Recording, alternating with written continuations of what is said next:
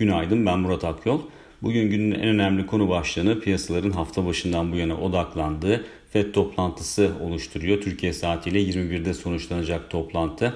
E, hatırlanacak olursa FED Başkanı Powell kongrede yaptığı yarı yıl sunumlarında e, enflasyondaki yükselişi geçici faktörlere bağlamaya devam etmişti ve e, ekonomiye verilen para politikası desteğinin de sürdürüleceğini net bir şekilde vurgulamıştı.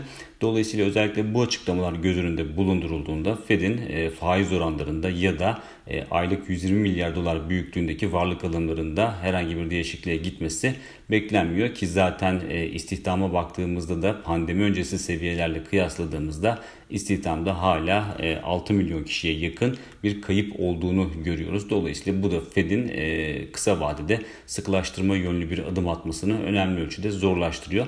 Ama şu var ki son dönemde ekonomik aktivite belirgin şekilde e, güç kazanmış durumda ve buna paralel olarak da Fed üyeleri arasında şahin görüşe sahip olanların sayısı da giderek artıyor. Dolayısıyla toplantının özellikle bu açıdan biraz daha fazla e, dikkat çekici olacağını tahmin ediyoruz.